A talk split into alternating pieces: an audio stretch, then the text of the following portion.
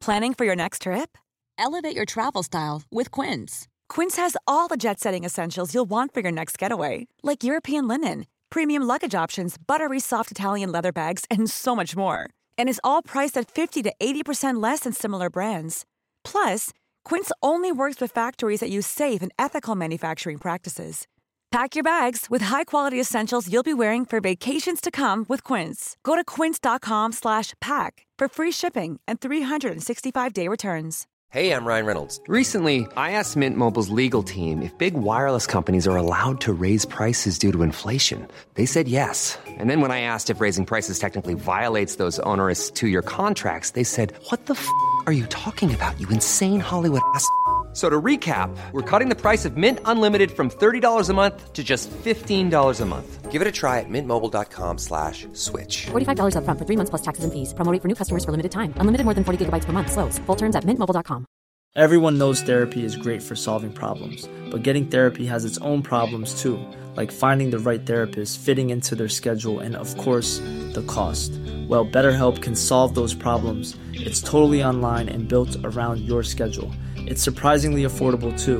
Connect with a credentialed therapist by phone, video, or online chat, all from the comfort of your home. Visit betterhelp.com to learn more and save 10% on your first month. That's BetterHelp, H E L P.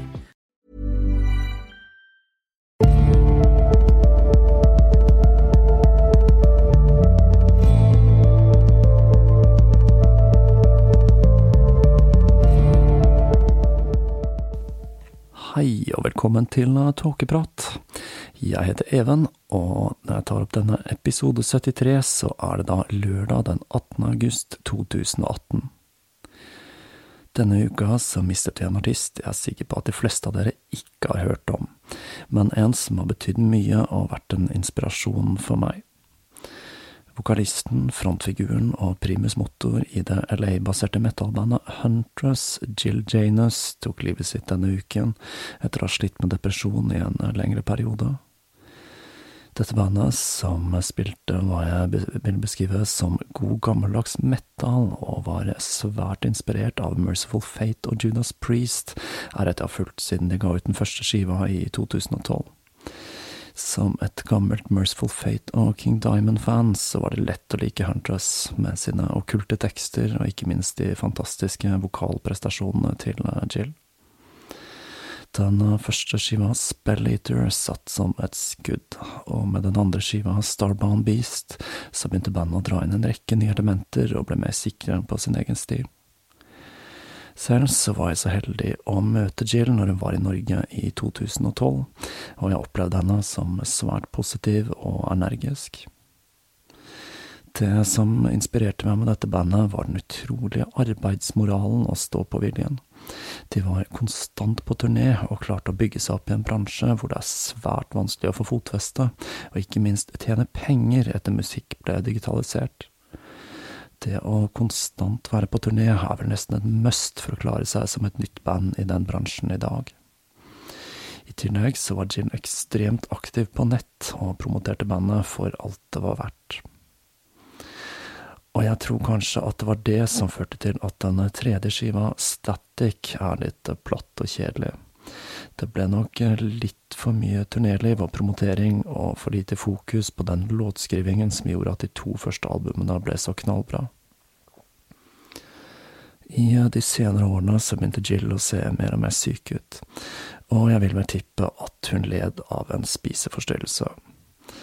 At hun slet med depresjon, det var en kjent sak, og hun snakket åpent om problemene sine.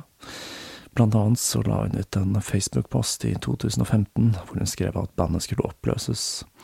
En uttalelse som senere ble trukket tilbake og avfeid av de andre i bandet, som noe hun hadde skrevet som en følge av depresjon.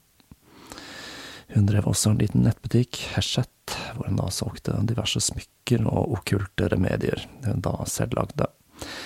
Og i dag så er jeg glad jeg eier noen av de anleggene hun faktisk lagde. Var utrolig trist å lese om dødsfallet hennes denne uken. Jill Janus ble bare 43 år gammel. Men arbeidet hennes, det vil leve evig, og Huntress vil nok få en del ekstra spilletid her i huset i tiden fremover. Og med den triste nyheten så tror jeg vi bare hopper rett tilbake i historien og plukker opp tråden der vi slapp, med Savitri Devi og hennes misjonsarbeide i India.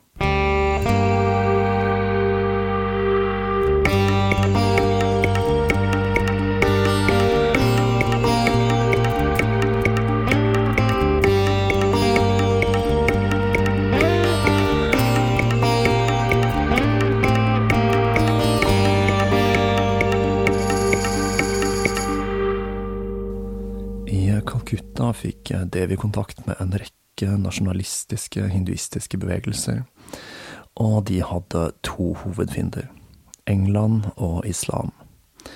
England med sin okkupasjon av India var ikke bare den som hadde fratatt India sin uavhengighet, men England representerte også Vesten med sitt kristne tankegods, og var en trussel mot det hinduistiske.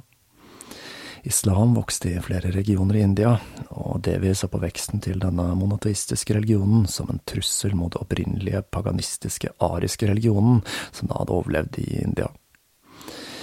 Hun hadde altså begynt å jobbe for et hinduistisk misjonssamband i India, og i begynnelsen av 1937 så ble hun introdusert for presidenten for dette sambandet, Srimat Swami Satyananda. Hun presenterte seg selv som en arisk hedning, og erklærte seg selv som en tilhenger av Adolf Hitler, som hun mente var spydspissen i kampen mot den jødisk-kristne sivilisasjonen som hadde fått fotfeste i Vesten. Satyananda ble imponert over denne unge vestlige damen med sitt brennende engasjement og gjennomtrengende blikk. Hun var nemlig ikke alene i sin beundring for Hitler i India. Mange følte en dragning mot Hitler, hans bruk av svastika og legenden om arierne. Satyananda fortalte Devi en ting som skulle bli grunnsteinen i hennes teologi. Han var nemlig overbevist om at Hitler var en inkarnasjon av guden Vishnu. Med den gode stemningen mellom de to, så fikk hun en rekke nye oppdrag for Misjonssambandet, og hun var svært aktiv med en rekke forelesninger i 1937.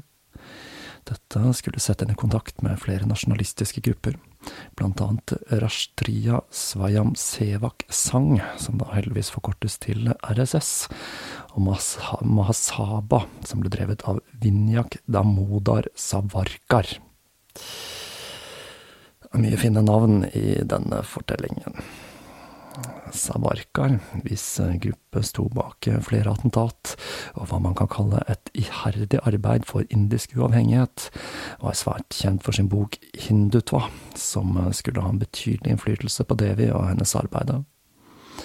Han var også svært opptatt av det ariske herrefolket, og i dette verket så beskrev han Indias historie fra et hinduistisk ståsted.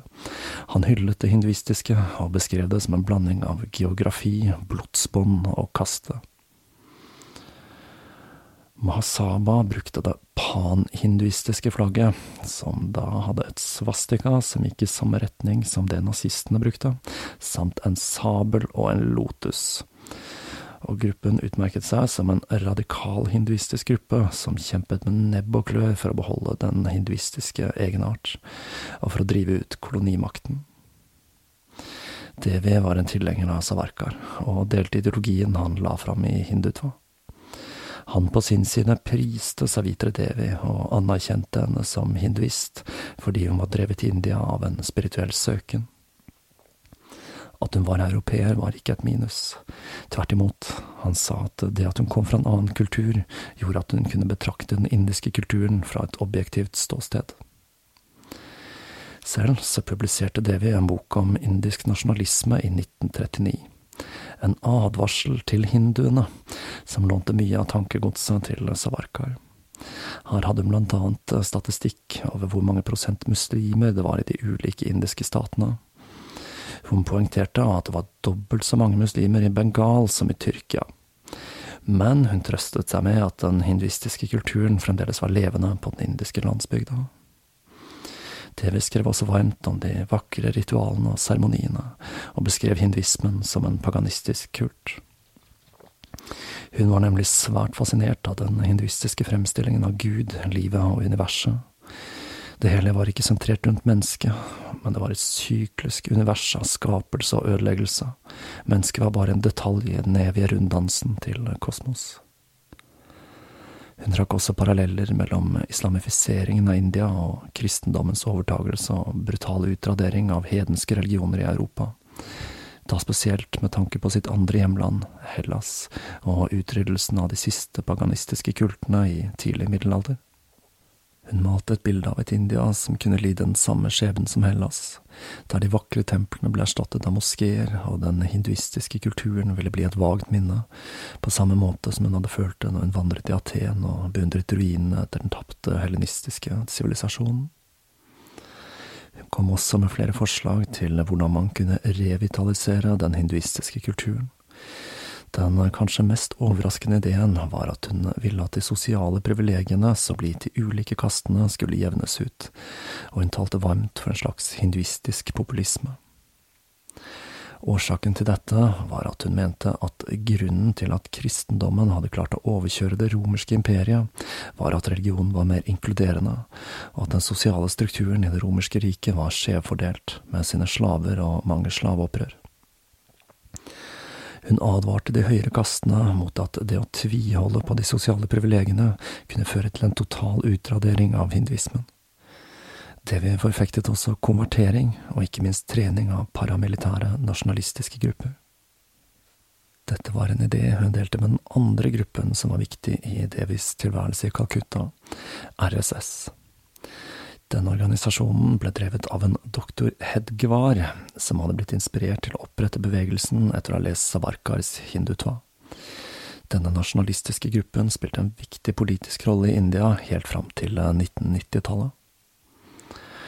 Aktivistene til gruppen, de såkalte Svayam Sevaks bestod av unge gutter som brukte en kakeuniform som var en bevisst kopi av den det britiske politiet brukte, og de drev med våpentrening i tillegg til sport og nasjonalistisk indoktrinering.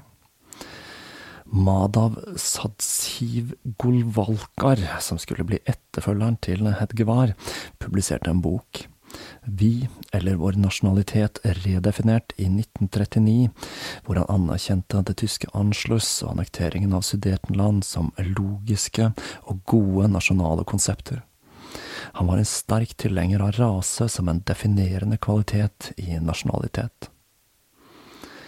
Savitri Devi, med sin lengsel etter det ariske og enorme fascinasjon for braminkulten og kastesystemet, og de indiske nasjonalistene med sitt panhinduistiske flagg med svastika, var altså svært fascinert av Hitler og hans bruk av hakekorset, legenden om arierne og kampen mot jødene. Men var den følelsen gjensidig? Svaret er ganske enkelt nei. I Mein Kampf så gikk Hitler hardt ut mot alle antikolonistiske bevegelser. Han avviste all sammenligning mellom Indias kamp for uavhengighet og Tysklands behandling etter første verdenskrig, og han omtalte de indiske frihetskjemperne som asiatiske gjøglere. Han gikk til og med så langt som å si at det var nok best at India forble under britisk styre, da han anså indierne som en underlegen rase, og dette var ikke et syn han endret, selv da England gikk til krig mot Tyskland. All rest av det ariske blodet hadde for lengst blitt vannet ut, der borte i tropene, det var det mannen med barten hadde å si om rase i India. Denne holdningen hadde ført til at nazismen ikke var spesielt populær i India, men dette forhindret ikke at de nasjonalistiske hinduistiske bevegelsene håpet på å bli allierte med Tyskland, et håp som ble styrket når England erklærte krig som en talsperson for eh, Masaba uttalte. Tysklands ærbare idé om å gjenoppbygge den ariske kulten, glorifiseringen av svastika, hennes støtte til de vediske tekster og deres feiring av tradisjonen til den indogermanske kulturen ble ønsket velkommen av de religiøse og fornuftige hinduer i India med et oppstemt håp og Savitri Devi var selvsagt dypt begravet i nettopp de pronazistiske elementene i India. I januar 1938 skulle hun møte en mann som skulle bli svært viktig i livet hennes, brahminen Asit Krishna Mukherji. Han drev et nasjonalsosialistisk magasin, The New Mercury, som ble publisert i Calcutta fra 1935 til 1937, før det britiske styret satte en stopper for det hele. Devi var et fan av denne publikasjonen, som ikke la skjul på sine pronazistiske elementer, i tillegg til å være for en sterk indisk identitet. Her kunne man da lese ting som oversettelser av stykker fra Mein Kampf, samt historier om det ariske folket og deres vandringer. Mukherje hadde kontakter ved det tyske konsulatet, hvorfra han fikk en jevn strøm med protyske nyheter. Han hadde utdannet seg i London, og etter å ha tatt en doktorgrad i russisk historie, så vurderte han Russland som en mulig alliert mot Storbritannia. Så han tok turen til Sovjetunionen etter han var ferdig med studiene, og han brukte to år på å reise rundt i landet. De sovjetiske myndighetene tok han godt imot, de ville veldig gjerne ha noen allierte i India. Men Mukherje, han ble ikke imponert over det han så. Han så på det kommunistiske systemet som materialistisk. Om kapitalen var i hendene på folket eller styresmaktene, det spilte liten rolle.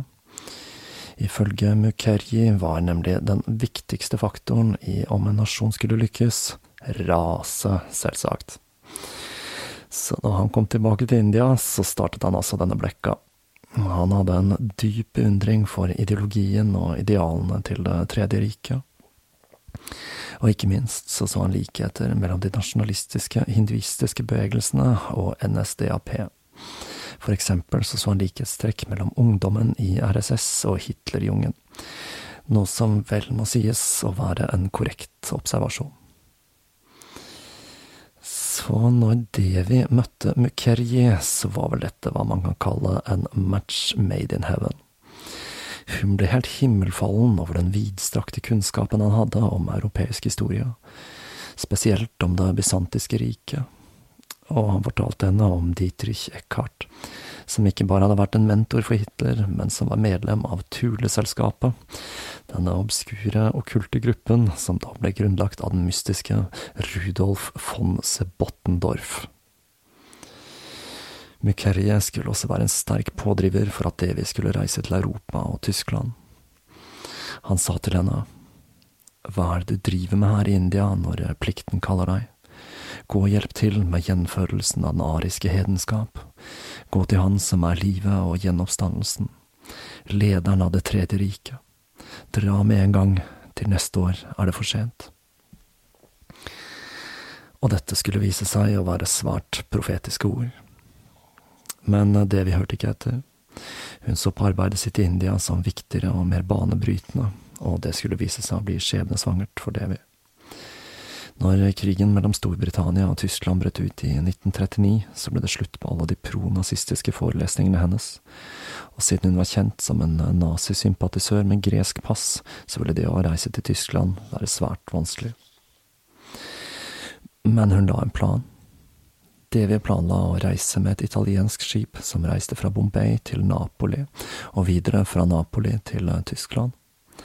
Og for å løse problemet med det greske passet, så foreslo Mukherjee at de to skulle gifte seg da han var britisk statsborger. Og det gjorde de. Selv om Davy selv hevdet at dette var et fornuftsekteskap, så lukter det vel lite grann kjærlighet i hakekorsets tegn av det hele, syns nå jeg, da. Bryllupet det fant sted den 9. juni 1940, og med det så så Davy en mulighet til endelig å reise til Tyskland og hjelpe til med reetableringen av det ariske folket og religionen i Vesten. Men skjebnen spilte henne et puss, og den 10. juni, dagen etter bryllupet, så erklærte Italia krig mot de allierte.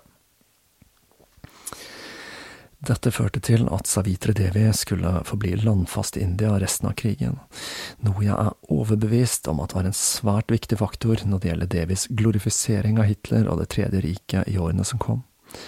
Hun fikk nemlig aldri oppleve hvordan det faktisk var i Nazi-Tyskland.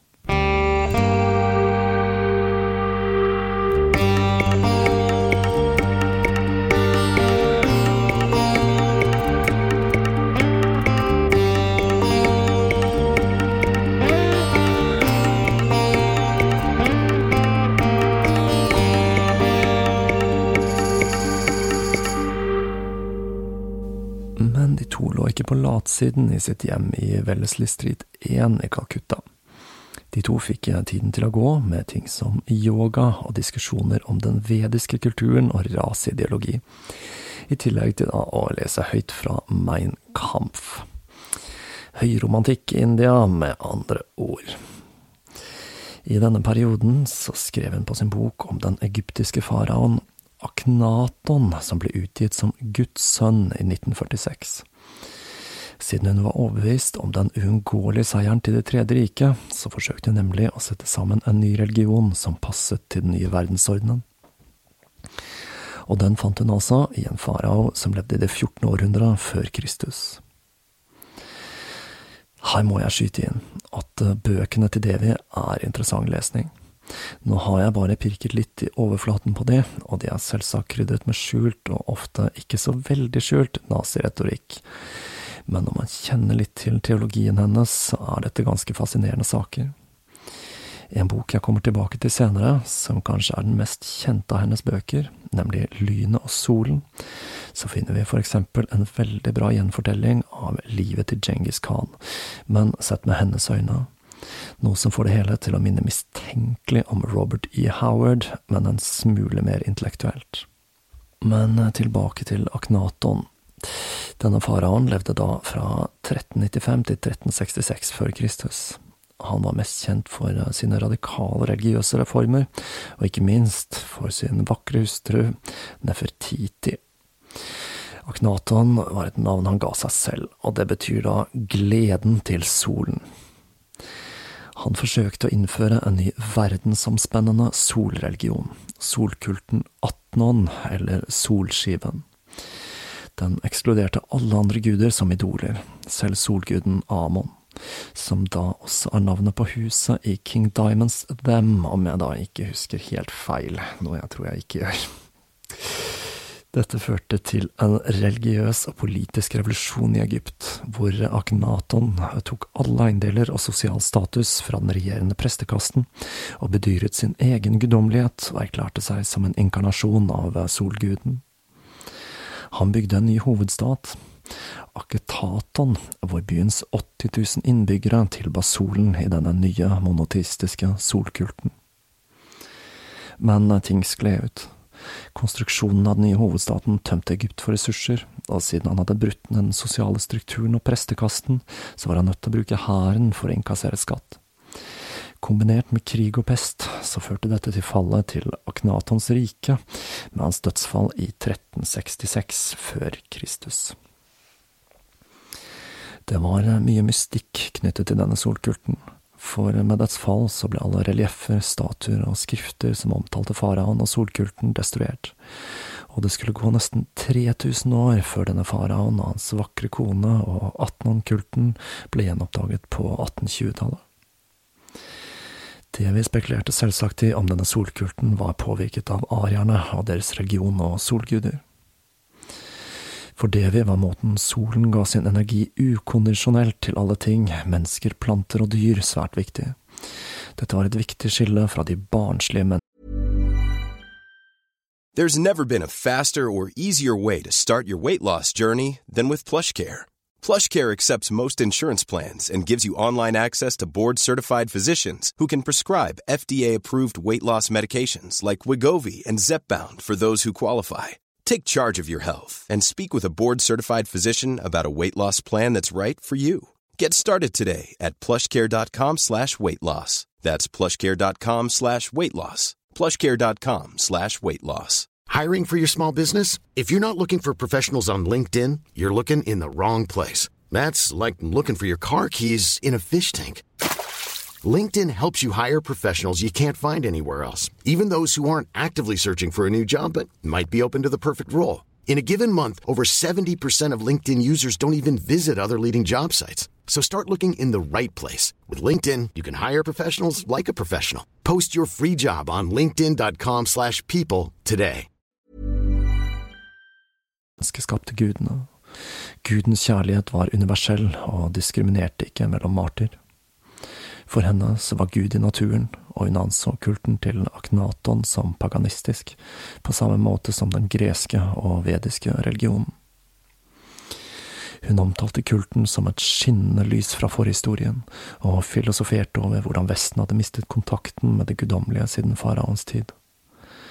Det siste kapittelet i denne historien var kristendommen, med sin irrasjonelle og uestetiske praksis, drevet av mirakler, forfekting av askese, frykten for synd, skam over kropp og redsel for liv. Hun skrev at eh, kristendommen appellerte til de intellektuelt ukritiske, de følelsesmessig ustabile og de sosialt undertrykte. Kjærligheten kristendommen forfektet, var bare en dårlig kopi av den universelle kjærligheten i den gamle religionen.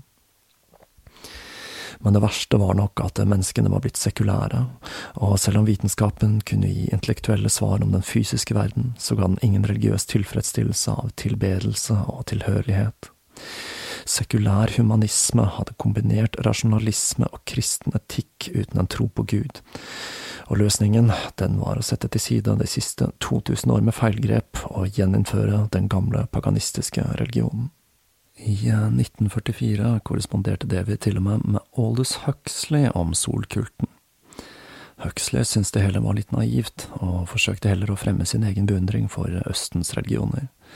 Spesielt Zen som en måte da å komme nærmere i kontakt med det guddommelige på.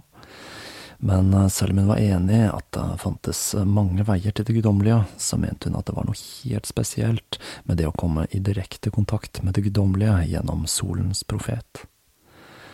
Savitri Devis solskivereligion var rett og slett en amoralsk naturreligion, der mennesket ikke spilte noen viktig rolle. Menneskets overlevelse var uvesentlig blant eh, de millioner av arter på vår planet. I Calcutta så, så Devi og mannen sitt snitt til å hjelpe Det tredje riket, da flere og flere britiske og amerikanske tjenestemenn ble stasjonert i Calcutta. De inviterte allierte offiserer til hjemmet sitt, og de ble sjarmert av å bli invitert hjem til en brahmin og hans kone, og de så på dette som en gyllen mulighet til å lære mer om hinduisme og livet i India fra en så svært begavet og intelligent inder. Stemningen, den ble god, kanskje spesielt siden offiserene fikk servert rikelig med whisky. Og på grunn av de løsmunde offiserene så fikk Devi og mannen pumpet ut informasjon de brakte videre til japansk etterretning noe som førte til flere vellykkede angrep mot de allierte i Burma. De to håpet på at de tyske styrkene ville invadere India, og at de tyske og japanske troppene ville møtes i Delhi. Men det håpet ble svakere og svakere etter hvert som Tyskland sine mer og mer desperate forsøk og påfølgende nederland gjorde en seier for aksemaktene mindre og mindre sannsynlig. 1944 var et hardt år for Savitre Devi. Med nyheten om landgangen i Normandie og et Tyskland som tapte på alle fronter, så ble det rett og slett for mye for henne. Hun bestemte seg for å dra fra Calcutta og reise til Sør-India, som om hun håpet å unngå nyheten om det endelige tyske nederlaget. Hun klarte det en liten stund, men en dag så så hun overskriften Berlin er et inferno i en avis en mann leste på toget. Dette var et fryktelig slag for Devi, som nå forsøkte å unngå aviser og nyheter av alle slag. Hun holdt seg kun til templer og små landsbyer utenfor allfarvei. Men det gikk selvsagt ikke i lengden, og i mai 1945, når hun var i Sringeri, byen hvor Shankara i det åttende århundre fordrev buddhismen fra India og gjeninnførte kastesystemet, så overhørte hun to muslimer som snakket om Tysklands endelige nederlag. Fullstendig knust så dro hun hjem til Calcutta og Mukherji, som trøstet henne med at livssyklusen må fortsette, og at den nåværende tidsalderen må avsluttes før eller siden, med eller uten Adolf Hitler. For å bearbeide sorgen så dro Devi til den årlige Kali-festivalen i oktober 1945. Kali, som er hustruen til Shiva, blir ofte fremstilt som en blå gudinne med fire armer, og holder gjerne et bloddryppende avkappet hode i den ene armen. Kali er gudinnen for det destruktive og kompromissløs transformasjon, og Savitri Devi kastet seg gråtende inn i feiringen og tagg og ba gudinnen om å hevne nederlaget til Det tredje riket. Tilbake i Kakutta begynte hun å skrive enda et essay, en sak mot mennesket, hvor hun tok for seg det menneskesentriske livssynet til de monoteistiske religionene, og ikke minst dyrevelferd. I denne boka argumenterer hun sterkt mot eh, all misbruk, og strengt talt all bruk av dyr, fra laboratorieforsøk og pelsdyroppdrett til husdyrhold, og hun går hardt til verks. Hun krever at eh, mennesket må slutte med all utnyttelse av dyr, fra kjøttspising, pels, jakt, husdyrhold, inkludert kjæledyr, og bruk av dyr til transport. Som vi har sett, så stilte ikke menneskeheten i en særskilt klasse i Devis teologi, men det stakk enda dypere. For i introduksjonen så skrev hun at hun var inspirert til å skrive dette verket som en respons på Vestens dobbeltmoralske beskyldninger mot Tyskland for forbrytelser mot menneskeheten, mens de selv utnyttet dyr i stor skala. Menneskeheten var en pest, og ekspansjonen av befolkningen gikk på bekostning av den globale økologien og alle andre arter. For henne var raseideologi en måte å sørge for at menneskeheten besto av kvalitet, ikke kvantitet. Hvorfor skal man ofre dyreliv for å redde en syk person? Om den syke personen dør, er det kun naturens måte å kvitte seg med menneskehetens svake elementer. Hennes avsky for menneskeheten var rett og slett kun matchet av hennes kjærlighet for dyr. Mange vil nok nikke anerkjennende til mye av innholdet i dag, enten det dreier seg om utarming av jorda, overbefolkning og global økologisk katastrofe. Hadde det bare ikke vært for de små sitatene fra Josef Goebbels og Adolf Rosenberg. Sistnevnte fra Nürnberg-prosessen. Du skal elske Gud i alle levende ting, dyr og planter. Nå klarte ikke Savitre Devi lenger å sitte på sidelinjen. Hun bestemte seg for å dra til Tyskland og gjøre det hun kunne for å hjelpe hva enn som var av motstandsbevegelser i landet, og i november 1945, 13 år etter hun først hadde fått sin åpenbaring på Rama-festivalen, overlot hun sine mer enn 20 katter til en venn, og tok et tungt farvel med sin ektemann før hun satte kursen mot et Tyskland i ruiner, og begynte på en ny fase av livet sitt. På samme måte som pilegrimsreisen til Jerusalem skulle hun nå besøke landet som hadde fostret hva hun anså for å være det største mennesket i vår tidsalder, Adolf Hitler. Men historien om pilegrimsferden til Tyskland skal jeg spare til neste episode, for nå hadde jeg tenkt til å se litt på hvorfor Devi koblet Hitler til teologien sin. Devi var dypt bevandret i hinduistisk teologi og kjente godt til ideen om avataren eller inkarnasjonen til Vishnu, et konsept vi så vidt var borti i forrige episode av Rama-feiringen. Blant tekstene det vi brukte, finner vi blant annet hva jeg regner som en av de vakreste religiøse tekstene som noen gang har blitt skrevet, nemlig Bhagavad Gita.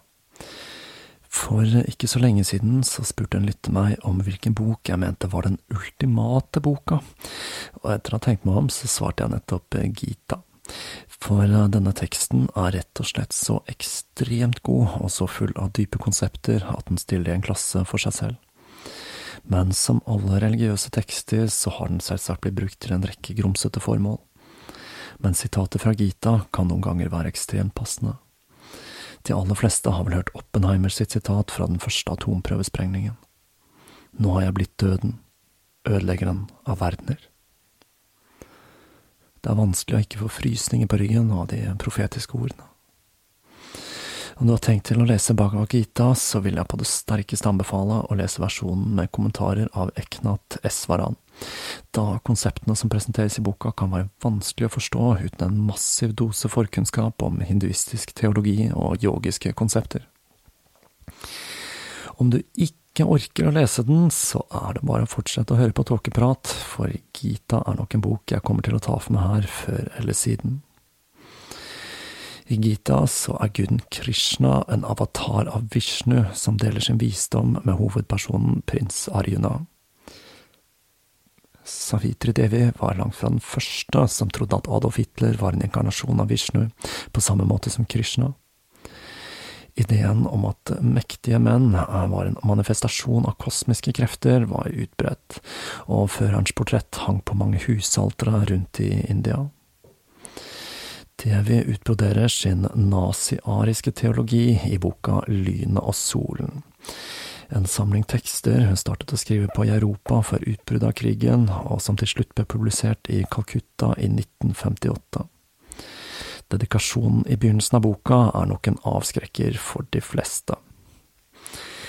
Til det gudelignende individet i vår tid, mannen mot tiden, den største europeer gjennom alle tider, både solen og lyna, Adolf Hitler, som en hyllest av urokkelig kjærlighet og lojalitet, for alltid. Men klarer man å bla seg forbi den lekre dedikasjonen, så er tankegodset interessant.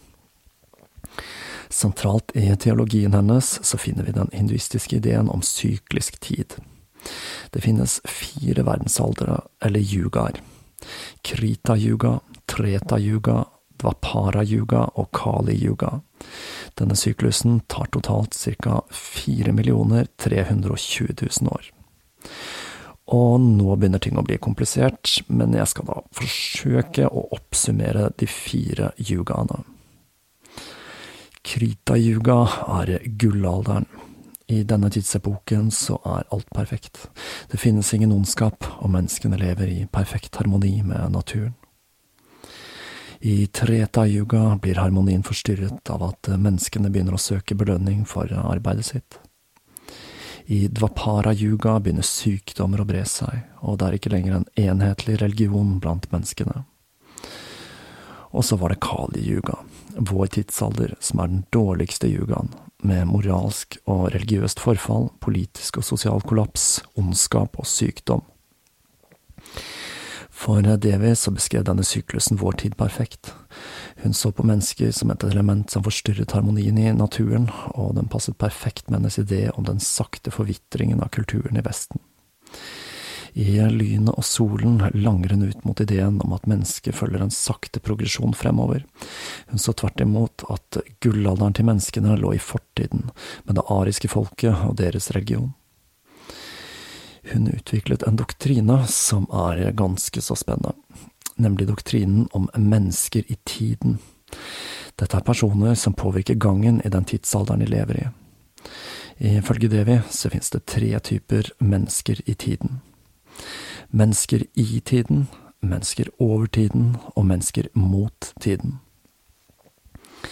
Mennesker i tiden er karakterisert av at de er ute etter å skaffe seg mest mulig personlig ære og gods og gull, og de er kjennetegnet av ekstrem brutalitet og effektivitet. Denne egoistiske voldeligheten er med å bruke opp energien i tidssyklusen og fører til enorme sosiale omveltninger.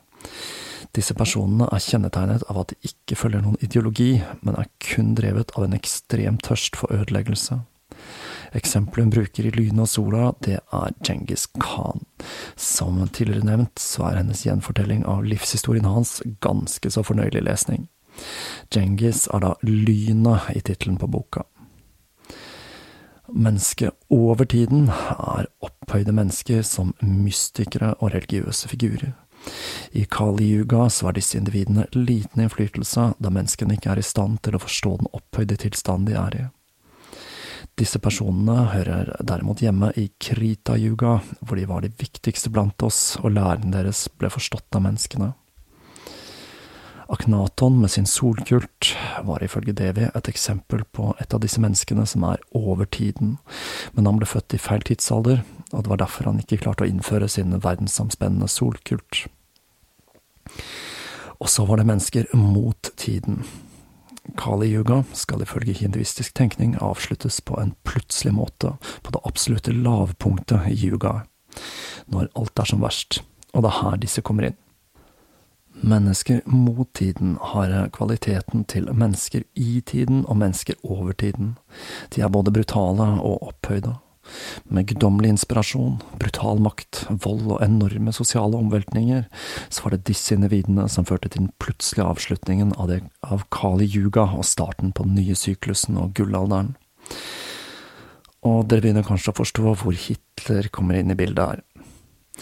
Hitlers brutalitet, kombinert med hans syn på raser, som det vi så på som en gjeninnføring av kastesystemet på en global skala, kombinert med hans kjærlighet for dyr og vegetarianisme, og ikke minst bruken av svastika og hans dualistiske syn på jødene og arierne, gjorde at det vi så på Hitler som det største mennesket mot tiden gjennom hele historien. Hitler var altså en inkarnasjon, eller en avatara, eller avatarer av guden Vishnu. Denne guden gjør nettopp dette, han blir inkarnert i forskjellige skikkelser gjennom de sykliske verdensalderne. Det er Vishnus tiende inkarnasjon, Kalki, som skal avslutte Kali Yuga. Den enorme dyrkelsen av Hitler var basert på et yogisk konsept, nemlig bhakti-yoga. Dette er et konsept jeg nok må utbrodere om jeg skal ta for meg Bhagavad Gita, men kort fortalt så er dette en måte å oppnå en opphøyd tilstand ved uselvisk tilbedelse. Bhakti-yoga er, så vidt meg bekjent, hva som er grunnpilaren i blant annet Hare Krishna. Savitri Devi fornektet heller ikke de mørke sidene av Det tredje riket, tvert imot. Den ekstreme volden var nødvendig for å igangsette den nye tidsalderen, og for henne legemliggjorde jødene Kali Yuga og det materialistiske, eiesyke mennesket. Hun var altså en slags metafysisk antisemitt, og han argumenterte at jødene i sine vandringer, og med ting som bruken av kabala eller tallmagi, førte menneskene bort ifra de helenistiske idealene og satte mennesket og ikke naturen i sentrum. Hitlers store ordbruk med konsepter som tusenårsriket, verdenseteren og hele skapelsen gjorde også et enormt inntrykk på Savitri Devi, som var overbevist om at Hitler var Kalki, avataren som skulle avslutte Kali Yuga. Et rike falt, og Devi skrek ut sin smerte i Kali-festivalen, før hun ga bort kattene sine og pakket kofferten for å ta fatt på sin pilegrimsreise til Tyskland. Så klamret hun seg til håpet om at han hadde unnsluppet og fremdeles var i live. Han kunne ikke dø, for han var Kalki, ødeleggeren av verdener.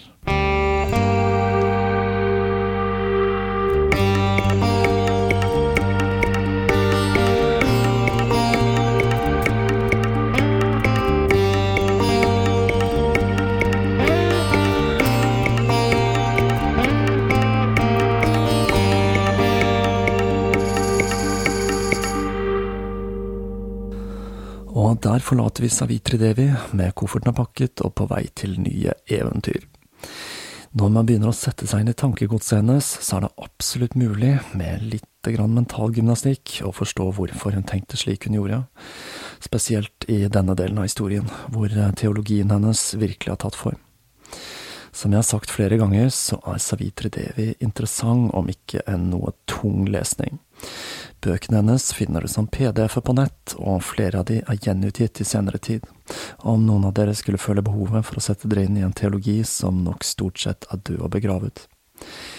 Når man har en forståelse av doktrinen hennes, så kan det gi et artig innblikk i et verdensbilde hvor man kan ikke anerkjenne til deler av tankegodset hennes, for så å se raseideologien skinne gjennom i hennes gjenfortelling av historien.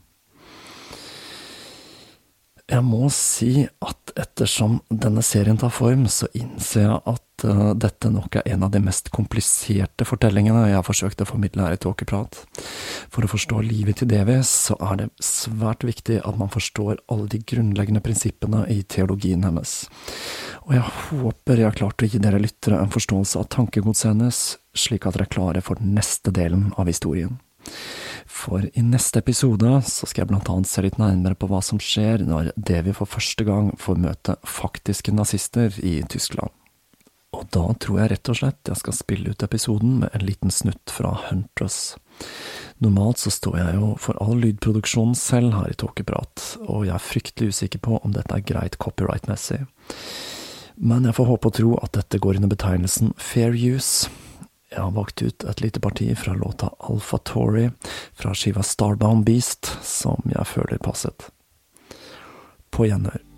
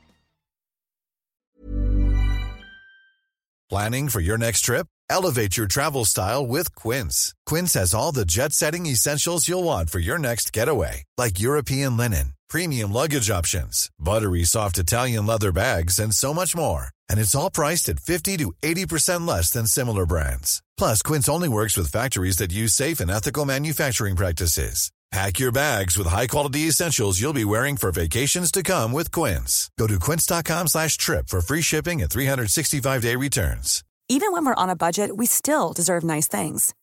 Quince is a place to scoop up stunning high-end goods for 50 to 80% less than similar brands. They have buttery soft cashmere sweaters starting at $50, luxurious Italian leather bags, and so much more. Plus, Quince only works with factories that use safe, ethical, and responsible manufacturing. Get the high-end goods you'll love without the high price tag with Quince. Go to quince.com slash style for free shipping and 365-day returns.